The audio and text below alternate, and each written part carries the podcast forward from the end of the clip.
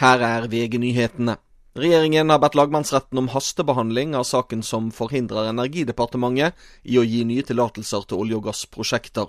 I januar tapte saken et klimasøksmål om tillatelser til utbygging av tre olje- og gassfelt, en dom som staten har anket.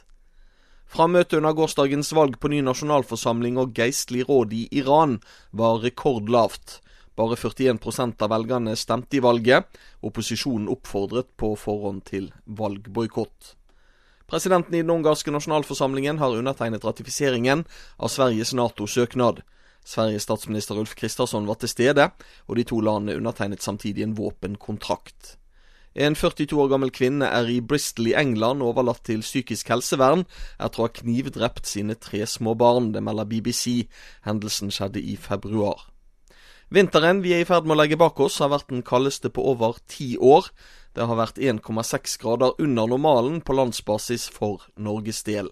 Det skjer samtidig som Sør-Europa for flere av vintermånedene har hatt det rekordvarmt. I studio nå Thomas Alsaker, nyhetene de får du alltid på VG.